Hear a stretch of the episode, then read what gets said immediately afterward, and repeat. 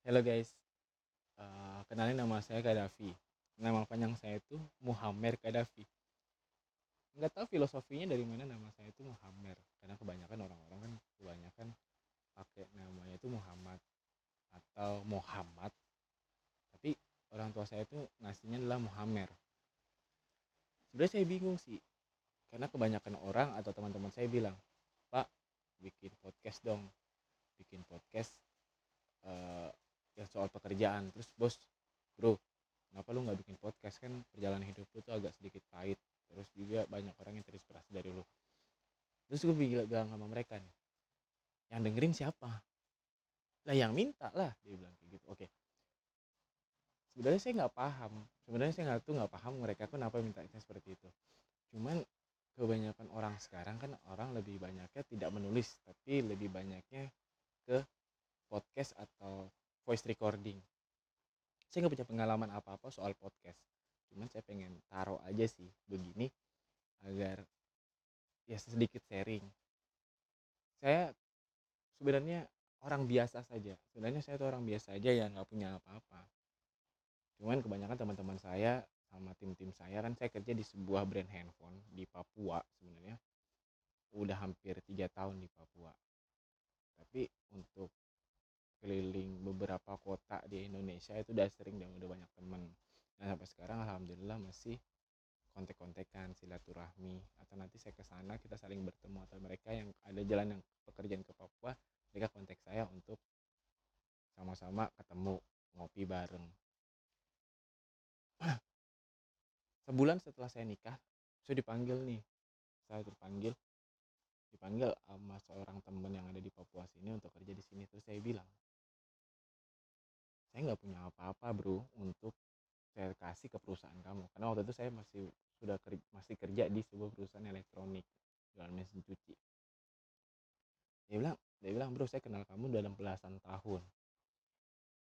Dan saya bilang sama dia ya itu bukan menjamin bro. Dia bilang siapa yang tidak tahu kamu untuk bekerja di dunia sales and marketing? Ya gambling aja sih sebenarnya. Saya komunikasi sama atau komunikasi sama istri saya dong karena baru nikah Saya bilang dan istri saya alhamdulillah ngizinin. Dan saya bilang lagi nih sama perusahaannya sama rekrut saya sama teman saya itu bilang tapi mau saya mau asal istri saya dibawa.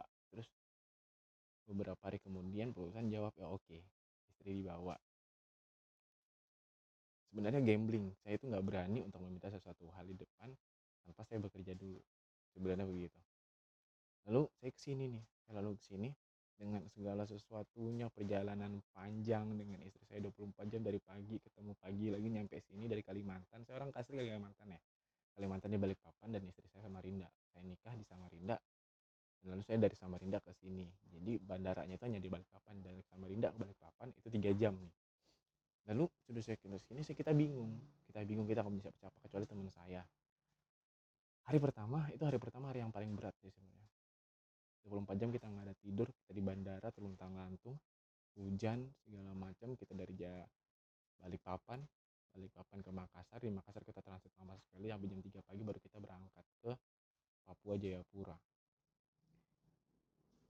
Alhamdulillahnya adalah rezeki kita kita dapat tempat tinggal. Kita tempat tinggal fasilitasnya untuk hari pertama. Hari-hari pertama saya nggak punya kendaraan segala macam cuman saya berpikir adalah ini pekerjaan yang harus saya geluti untuk istri saya dan untuk dapur saya agar ngepul begitu terus saya tiga di setiap hari saya tidak tahu harus bagaimana harus bagaimana. Tapi ke sini ke sininya saya lebih paham apa arti kalau Papua itu benar-benar ada kehidupan. Jadi semua teman-teman yang ada di luar sana nih yang ada di luar sana Papua itu sebenarnya bukan hutan saja atau primitif. Papua itu adalah destinasi wisata paling besar di Indonesia selain Lombok atau Labuan Bajo atau Pulau Komodo Itu adalah surga yang jatuh dari langit ke bumi. Itu adalah di Papua Jayapura. Kalau kalian paham nih ekonomi di sini itu sangat besar. Terus juga orang-orangnya konsumtif. Orang-orangnya konsumtif dan nggak ada yang pernah percaya orang yang luar sana kalau Papua itu betul-betul indah.